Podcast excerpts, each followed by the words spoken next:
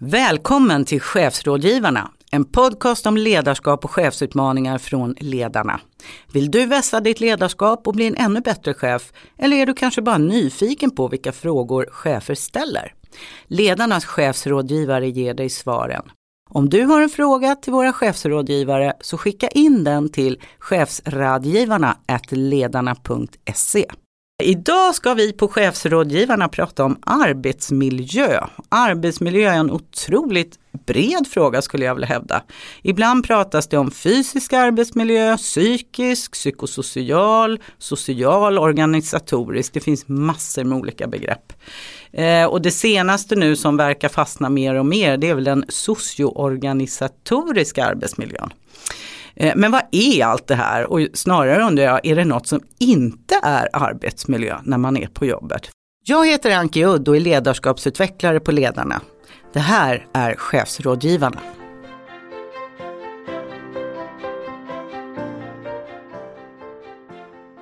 Och med mig idag har jag en av våra chefsrådgivare, Maud Harberg. Varmt välkommen hit Maud. Tack så mycket. Eh, det här med arbetsmiljö, om man är chef, har man med automatik ansvar för arbetsmiljön? Ja, det har du faktiskt. Det kan vara, mm, alltså det kan vara konkludent. Det kan vara att man som arbetsgivare tar för givet att du naturligtvis vet om att du har ett arbetsmiljöansvar. Ehm, från ledarnas sida så rekommenderar vi naturligtvis att det ska vara skriftligt. Så att man vet vad man har att förhålla sig till, vad förväntas av mig, hur, stor, hur bred är min brett rättare sagt är mitt arbetsmiljöansvar. Så ja, svar på den frågan är ja. Nu sa du ett sånt här ord som kanske inte alla har koll på, konkludent. Mm. Konkludent betyder att man har eh, vad ska man säga, det är, finns en överenskommelse, ett konkludent avtal är ju ett avtal som man har egentligen kommit man borde ha förstått att det finns ett avtal fast det inte finns i skrift. Så det är underförstått, man borde ja, ha förstått det helt enkelt. Så, ja, även om man inte säger det rakt ut eller skriver det någonstans. Nej, nej okay. i den rollen så, nej men jag, jag, det kanske var förklaring. Mm, ja, absolut. Mm. Så nu vet vi vad konkludent är, ja, underförstått bra, helt enkelt. Bra, bra, bra, precis. Eh, jag vill också hälsa vår gäst välkommen. Idag har vi med oss Lars-Gunnar Larsson som är arbetsmiljöchef på NCC. Välkommen hit! Tack så mycket. Och jag tänkte så här, för att lyssnarna ska få lite snabbkläm på dig, ska jag ställa en sån här jättekort snabbenkät. Jag kommer säga två ord, två begrepp och du ska bara intuitivt välja ett utav dem. Hänger du med? Ja, jag är med. Då kör vi. Hemmasnickare eller anlita proffs? Hemmasnickare. Eh, Leif GW Persson eller Shakespeare? Jag gillar ju Leif GW Persson. Jeans eller kostym? Jeans. Se där! Så ni som lyssnar vet nu att här sitter en hemmasnickare som gärna lyssnar till eller läser Leif GW Persson och föredrar jeans. Då känner vi dig vid det här laget, eller hur? Ja, det ser jag nu. Ja, fantastiskt. Börjar känna mig. Härligt. Det är ju så här, du representerar ju NCC här idag som är en stor del av byggbranschen naturligtvis. Och byggbranschen har ju gemensamt antagit en nollvision, det vill säga att det ska inte förekomma några allvarliga arbetsplatsolyckor. Och det kan ju alla förstå att byggbranschen, det är klart att det finns risker där. Jag kan ju bara tänka när de renoverar fasader och bygger hus, hur folk klänger och klättrar och sådana saker. Så det är ganska uppenbart, här finns det ju faror. Det kan gå snett om det går illa. Ehm, och hur NCC gör för att faktiskt leva upp till den här nollvisionen det kommer du få berätta lite mer om hur ni arbetar på NCC med säkerhetskultur och arbetsmiljö. Men Maud, jag vill också fråga dig, du tar emot många samtal från chefer och vad är mm. det för typ av frågor de ringer om när det handlar om arbetsmiljö just? Oftast är det faktiskt chefens egen arbetsmiljö. Det som vi har märkt är att det har ökat enormt mycket. Det, de fysiska frågorna när det gäller fysisk arbetsmiljö har vi faktiskt inte särskilt många. Men den, e- chefens egen arbetsmiljö när det gäller eh, brist på stöd från överordnade till exempel. Brist på resurser, jag har inte de resurser jag behöver. Det kan vara, ha varit förändringar i organisationen som har gjort att jag förväntas klara av min verksamhet fast jag har kanske fyra personer mindre.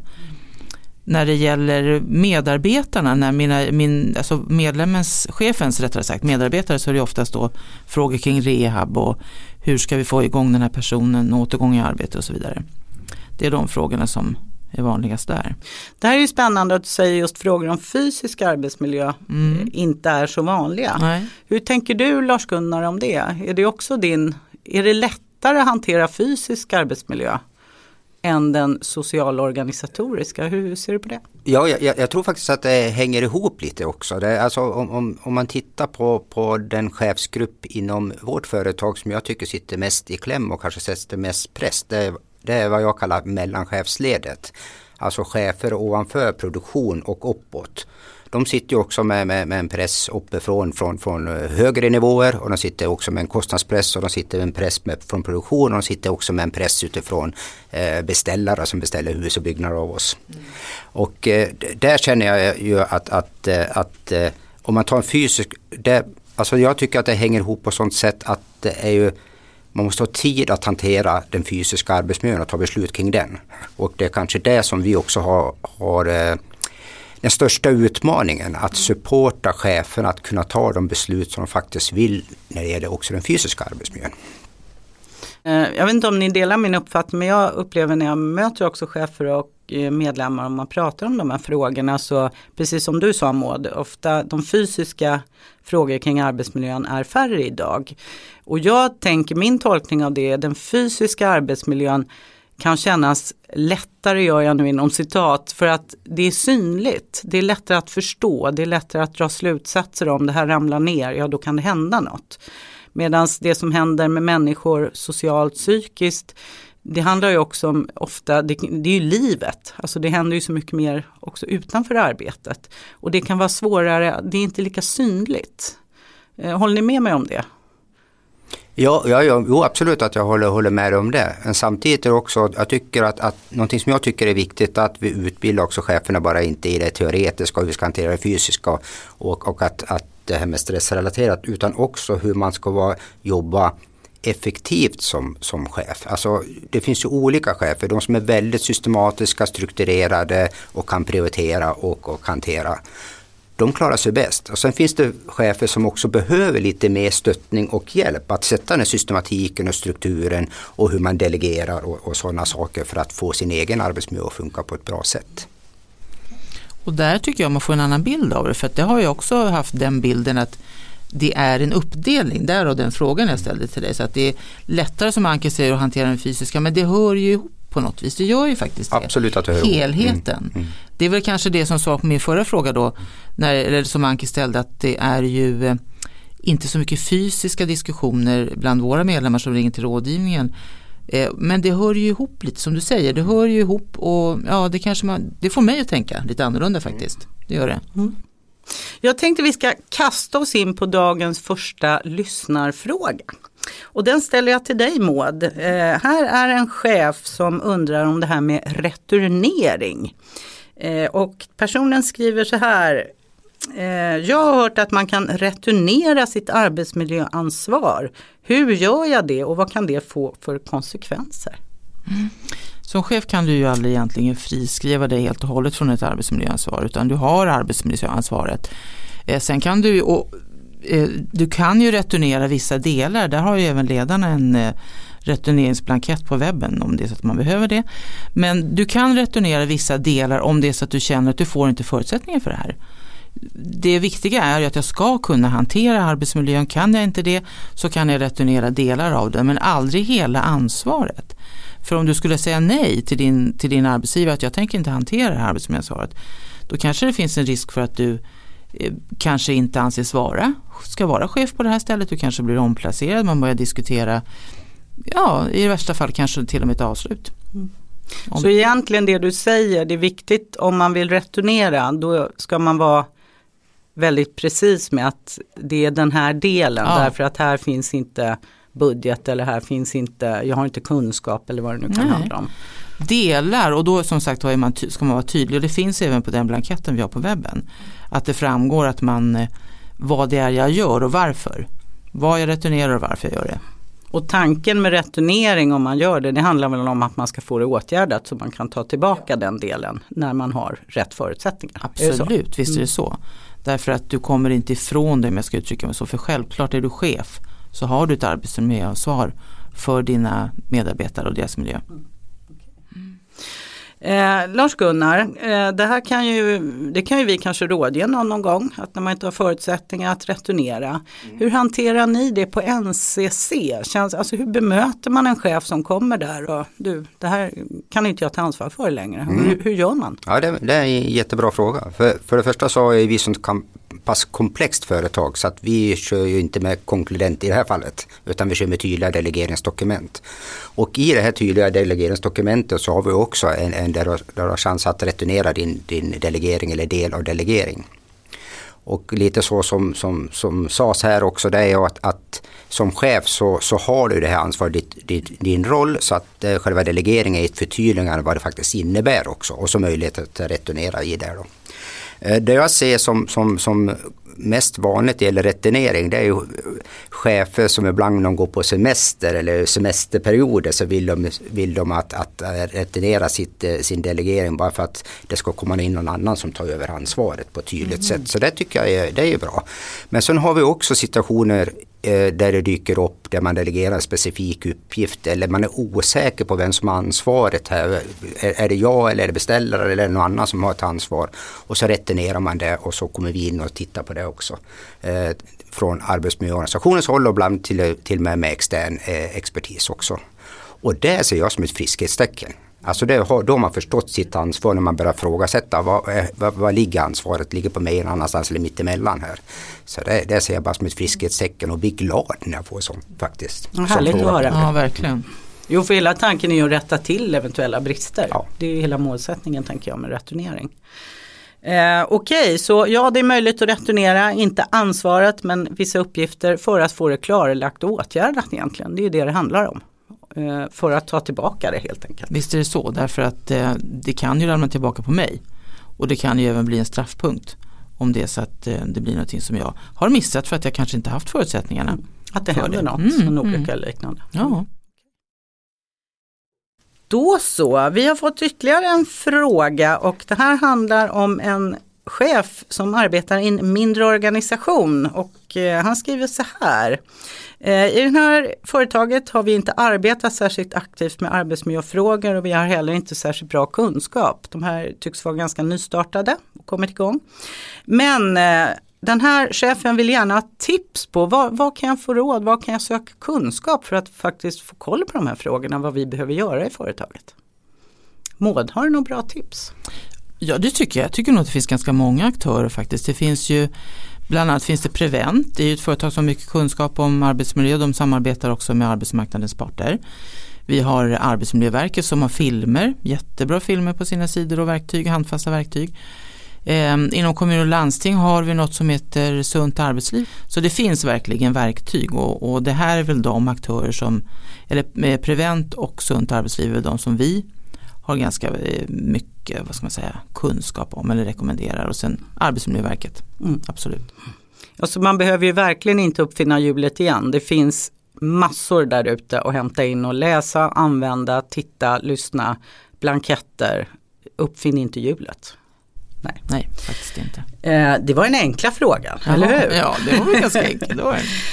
Jag tror sådär att alla arbetsgivare som jag möter och de flesta, jag är säker på att ambitionen är man vill vara en bra, god arbetsgivare och ha en god arbetsmiljö. För vem vill ha medarbetare och anställda som faktiskt inte mår bra eller kanske råkar illa ut på jobbet. Det tror jag inte någon medvetet vill utsätta någon för.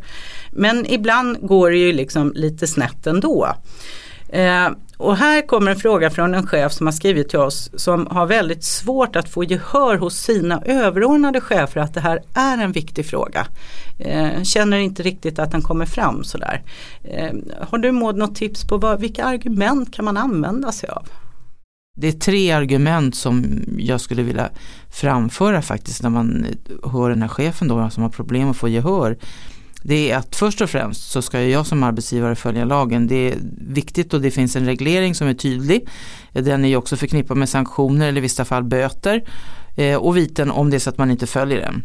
Man ska ju också vara medveten om att det här kostar pengar därför att har man en dålig arbetsmiljö med risk för att man då får långtidssjukskrivningar som kostar pengar, folk säger upp sig, man måste rekrytera. Så att det är förknippat med ekonomi också. Och sen vem vill jobba hos en arbetsgivare som har en sjuk arbetsmiljö? Där människor mår dåligt, där man inte har tänker på humanismen där man inte värnar om sina anställda. Och det går fortare än vad man tror, ett rykte faktiskt om en dålig, arbets, en dålig arbetsgivare. Eh, det gör ju att man har svårt att rekrytera, där kommer vi in på ekonomin igen.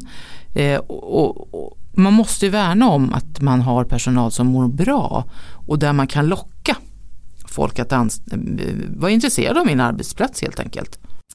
Tack Maud. Eh, Lars-Gunnar, vad är det som är NCCs främsta skäl att jobba så målinriktat med säkerhetskultur och arbetsmiljö? Ja, det är helt klart, eh, helt klart för det första och främst att vi inte ska ha några olyckor på vår arbetsplats och folk ska må bra på vår arbetsplats och komma hem hela utan att skadas på vår arbetsplats och komma hem till familjen. Det är liksom den främsta orsaken. Sen när det gäller den här kulturella biten så, så, så handlar det väldigt mycket om, om att vi vill uppnå en, en, situation där vi har ett tydligt ledarskap som når hela vägen ut. Och, och med det tydliga ledarskapet hela vägen ut och med att när de kommer ut i den sista arbeten då handlar det väldigt mycket om team spirit. Att man ska må bra på våra arbetsplatser förutom att det ska vara bara säkert. Man ska trivas, team spirit. Man ska vilja tillbaka, man ska vilja komma in till arbetsplatsen igen och må bra. Mm. Och det vet vi, sånt vi, där vi mår bra och trivs, där gör vi som regel också ett väldigt mycket bättre jobb. Ja man är ju villig att göra mer och göra sitt bästa. Jag tycker att vi har, eh, det finns, eh, vi är som stort företag så det är up and down för företaget fortfarande. Vi jobbar ju stenhårt med det här kulturella och det tar lång tid att ändra det kulturella. Eh, det som jag ser som, är, som positivt är att jag börjar få positiva tecken att det fungerar. Att jag får delar av organisationen där man med tydligt ledarskap och som vi kallas på engelska consistency och sen också fått det att nå ut och fått hela organisationen förstå vad som är acceptabelt och inte acceptabelt. Och går man åt, återupprepat utanför ramarna då, och inte rätta in sig då får man ifrågasätta om den här personen eller personerna ska vara kvar i företaget. Och eh, jag har, har ju en, två bra exempel där man har gått från Eh, en problembild när det gäller arbetsmiljö men också en problembild när det gäller produktionseffektivitet och lönsamhet och hög personalomsättning. Och så höga tal när det gäller olycksfallsfrekvens. Och så har man bytt ledare och så har man gått in med det tydliga ledarskapet och skapat en förståelse i organisationen var man ska stå någonstans för att man ska jobba i, i, i företaget till och med fått flytta personer hela vägen ut, i, ända ut till, till, till arbetsplats som inte har rättat in sig. Och det som är så kul att se det är just det sammanbandet mellan lönsamhet, produktionseffektivitet och en bra arbetsmiljö. Där jag har en som har gått från en ganska stor enhet som har gått från över 15 i olycksfallsfrekvens ner till 1,4 och samtidigt ändra produktionseffektiviteten och lönsamheten och, och personalomsättning. Det hänger ihop. Ja, det blir ju verkligen ett kvitto på att det arbetet lönar sig. Det är ett underbart kvitto. Mm. Jag har två sådana klockrena exempel så här långt och tredje på gång känner jag. Sen tänker jag så här, om vi ser på, på dagliga verksamheten, dagliga verkligheten. Eh, I företag så kan man ju ofta och organisationer uttala att det här med arbetsmiljö och säkerhet det är verkligen absolut viktigast, jätteviktigt. Och sen står man där i vardagen och vet att man kanske är ett projekt som är oerhört tidspressat. Budgeten är också tight, alltså det, det är väldigt hårda krav på att det ska levereras i tid. Hur får ni era chefer, ledare på NCC att då ändå prioritera säkerhetsfrågorna? Mm. Ja, det är en jätte, det är en helt underbar fråga faktiskt. Eh, och det, det är det här det här har min största ska man säga, utmaning och brottningsmatch just nu är just det här, och, det, och vi var inne på det tidigare, det med mellanchefsledare, alltså chefer ovanför produktion. Att för dem inte bara prata arbetsmiljö, inte bara ha det först på agendan utan verkligen jobba med arbetsmiljöfrågorna. Och här har vi i vårt säkerhetskulturprogram som jag har delat upp i två, leder, eh, två delar. En, en del är eh, för produktionspersonal där det handlar om att, att tänka en riskbild, eh, reagera, agera, bry sig om varandra och lite sådana saker. Och sen har jag inne ledarskapet där det handlar om signalvärde, role models, alltså föredöme, reagera interagera och visa var ramarna ska stå någonstans. Och sen för att det ska fungera ut i en pressad produktion så det gäller att jobba också mer i det tidiga skedet, alltså skapa bra arbetsmiljöförutsättningar när man, när man kör igång produktion. Och om vi kan gå in och titta i tidiga skeden, exempelvis projektering när man bygger, så har man en projektering och så har man en planering av en produktion så kommer det in i själva produktionen. Och jag brukar säga så här, vi har i snitt kanske 30-40% av de arbetsmiljöaspekter som finns i det tidiga skedet följer med ut och hamnar i knä på, på den här stackars platschefen. Mm. Och om vi kan gå in och städa bort de här 30-40% eller städa bort en stor del av de här arbetsmiljöaspekterna. Då skapar vi bättre förutsättningar för, för platschefen och mindre störningar i produktion och det bidrar till produktionseffektivitet och man klarar av att hålla sina milstolpar när det gäller tider och sådana saker och klara också en lönsamhet i slutändan. Mm. Premierar ni på något sätt de som sätter säkerheten före ja. tid och budget? Vi det gör ju det så. och jag är så glad att jag jobbar för ett företag som har sånt stort fokus på frågorna. Och jag har en koncernledning som, som, som, som extremt mycket fokuserar på arbetsmiljö och inte bara pratar arbetsmiljö, pratar fokus, utan de agerar arbetsmiljö. Så, så för mig är det fantastiskt att se hur de också visar vägen. Och vi har ju också en styrelse som, som, som också har fokus på arbetsmiljö. Och alla vet ju hur det är när man kommer in i en styrelse. Då kan man få 15-20 minuter och göra sin prestationsbeslut och så ut. Och jag har vid flertalet tillfällen haft över en timmes diskussion med styrelsen. Och jag har också den här tiden i våran koncernledning. Jag har ett exempel där, där jag tittade på klockan, för jag hade en timme i koncernledningen, så gick den här timmen ut. Och så började jag titta på klockan för jag är så noga att hålla mina tider och så säger koncernchefen till mig att du kan sluta titta på klockan för vi kommer att ta den tid vi behöver till det här ämnet. Och det är en positiv signal. Och sen tror jag att vi är de första börsnoterade företag som har ett bonussystem då. Eh, från, från styrelsen och ner till koncernledningen och så ner i hela organisationen. Och man får säga vad man vill om bonus men jag kan se när jag tittar tillbaka på de här åren vi har haft det så har det verkligen bidragit till att öka fokus hela vägen ut till alla våra 4000 arbetsplatser. Och det här bonussystemet du nämnde det är knutet till säkerhetskulturen? Det är knutet till säkerhetskulturen och mm. resultaten eller olyckor. Ja det är fantastiskt. Och det här är verkligen viktigt signalvärde mm. som du mm. nämnde. Att det kommer verkligen hela vägen uppifrån. Mm. Eh, så det är inte bara prat så att säga utan det händer också. Nej, exakt. Det är jätteroligt ja. att höra. Eh, sen är en utmaning tänker jag Lars-Gunnar för er, eh, byggbranschen. Ni har mycket projekt, ofta underentreprenörer, inte bara ett led utan kanske två, tre, fyra, fem.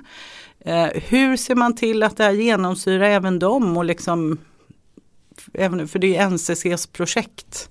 Hur tänker du där?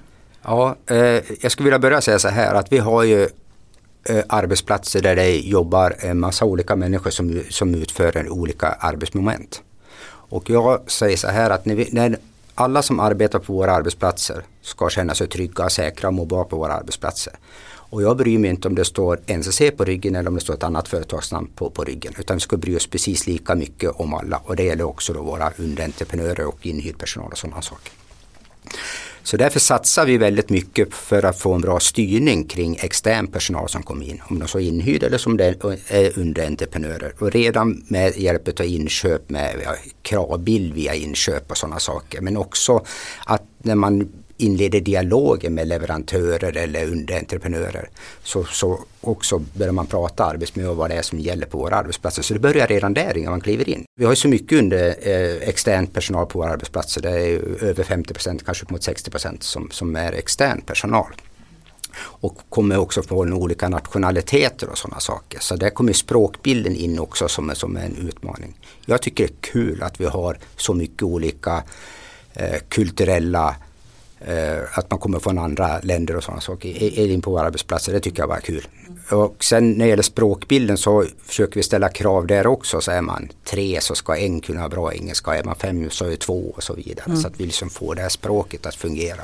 Och vissa riskfyllda moment så, så, så kräver vi svenska och engelska. Okay. Lite så jobbar vi. Vi jobbar väldigt mycket med underentreprenörer och jag ser det fortfarande som, som, en, som en stor utmaning att se hur kan vi jobba så att man, att man mår bra när man kommer in på arbetsplatsen. Nu kommer jag åter in, in på det. Men det jag vill är att när man lämnar NCC så går till en annan eh, aktör och så, då ska man känna att vi vill tillbaka till NCC och jobba igen. För det känner vi oss trygga och säkra och trivs. Då har man lyckats. Det låter fantastiskt bra ja, det du beskriver. Det och då jag som är en ganska krass människa, funkar det här i praktiken? Eh, bättre och bättre. Det är det som jag sa också, det är den stora utmaningen att få det här att funka i praktiken. Och det är väl kanske min största drivkraft att, att, att inte bara prata utan gå från ord till handling. Så jag gillar det här sista steget och jag är otroligt envis och brottas tills att det fungerar ända ute på våra arbetsplatser. Och den här uthålligheten du är inne på, envis och uthållig, det tror jag är A och O. Om man ska få något är, att förändra kultur och tankesätt. Den är så otroligt viktig. För det här är också en sån här problembild man, man pratar med högsta ledningen som vi, som ett börsnoterat företag som vill ha korta resultat. Och så ska man samtidigt stå och förklara att nästan allting vi gör kring arbetsmiljö är långsiktigt. Mm. För så är det. Mm. Och det är, för arbetsmiljö är så komplex bild och det handlar oftast om det att jobba med det här med, med säkerhetskultur, attityd och beteende. Och ändra säkerhetskultur i ett företag, det tar oerhört lång tid. Och sen har jag också nu eh, på slutet här lagt in någonting som jag ändå kallar för kortsiktiga eh, aktivitetsplaner, short term actions. Och det är att vi går in och tittar på de avsnitt i företagen som ligger med mest skador. Alltså både olycksfallsfrekvens och så, och så, så ligger kanske högt eh, antal skador. Och så går jag in fokuserat på dem. Och idag har jag tre, fyra på bordet som jag går in och lyssnar av, inte bara på arbetsplatsen utan lyssnar av i ledningsgruppen, typ avdelningsledning som är lite bit upp i organisationen.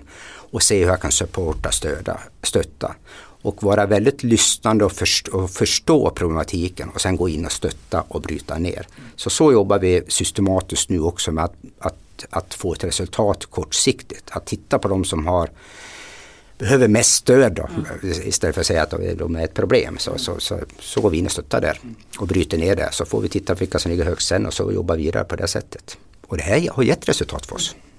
För jag skulle vilja säga så här också när det gäller ledarskap som vi pratar mycket om här. Det är A och O för att lyckas.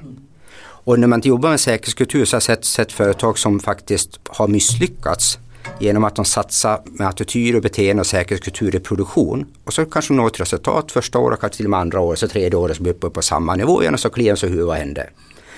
Och då, där har vi jobbat med, och då har man inte jobbat med ledarskapet. Utan cheferna upp i organisationen måste sätta press och tryck och vrida säkerhetskulturen åt rätt håll på våra arbetsplatser. Eh, jag tänkte avrunda det här samtalet idag med att ställa en avslutande fråga till er båda. Om ni skulle tala om, vad är en riktigt bra arbetsmiljö för dig? Ska vi börja med dig Maud? Mm. En bra arbetsmiljö för mig är faktiskt om jag känner att jag har en arbetsgivare som är engagerad och verkligen vill eh, att medarbetarna, de anställda, har, bra, har det bra på arbetsplatsen. Man jobbar för det, man jobbar kanske med, är det en arbetsplats där det finns säkerhetsrisker, jobbar man, man med det, är det hälsa så jobbar man med det. Där jag känner att jag har en arbetsgivare som faktiskt är både intresserad och engagerad. Okay. Det är lite så jag känner spontant faktiskt. Lars-Gunnar, vad säger du? Vad är en bra arbetsmiljö för dig? Ja, jag, jag håller helt och hållet med i, i, i det där och, och, jag skulle vilja fylla på också med att, att, att jobba i ett värderingsstyrt företag. Alltså där arbetsmiljö är en viktig integrerad del i, i, i värderingarna. Och också att, som vi var inne på tidigare, att vi har en, en högsta ledning som är ett högt fokus som genomsyrar hela verksamheten. Så att man känner ända ut till sista person som jobbar ute där att, att det finns ett fokus på frågorna, att det är viktigt. Eh, sen tycker jag också att man kan spä på en bra arbetsmiljö, att det finns system, processer som gör att man skapar rätt förutsättningar från oss från tidiga skedet hela vägen ut och för, till sista hen som jobbar där, att det, att det fungerar. Och sen inte bara att man är en, en bra psykos... Alltså just den psykosociala biten tycker jag också är viktigt att, att man har en trivsel. Jag älskar ju en, en av våra danska chefer som pratar väldigt mycket team spirit. Jag ska ha team spirit att funka hela vägen ut till sista person som jobbar där ute. Det är bra arbetsmiljö för mig. Och det var ju jättehärligt. Det var ju samma person som hade höga tal och, och gjorde en, en otrolig vändning och med väldigt tydlighet i sin ledarskap. Vilket gör att det faktiskt den en ledare som, som, som de respekterar och trivs med. Men som också fått det här med teamspirit att fungera hela vägen ut. Och så att få gå ut och besöka en sånt litet team ute, ute i verksamheten och känna att den här teamspiriten fungerar. Och att de bryr sig om varandra. Mm. Det är bra arbetsmiljö för mig. Mm. Tack. Ja, som ni hör, det här med arbetsmiljö, det är inryms väldigt mycket i området arbetsmiljö. Eh, ett stort tack till våra lyssnare för att ni har varit med oss idag och jag vill också påminna er att skicka in din fråga till oss här på chefsradgivarna ledarnas.se. Stort tack för idag. Tack så mycket. Tack så mycket.